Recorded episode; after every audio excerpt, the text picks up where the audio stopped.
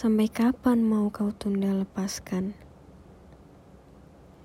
Kita sering kali menunda-nunda perpisahan yang sebenarnya memang sudah ditakdirkan terjadi. Padahal kau tidak pernah tahu kan apa dan siapa yang justru akan datang setelah perpisahan yang kau terus tunda itu nantinya terjadi. Hidup itu begitu indah untuk kau sia-siakan.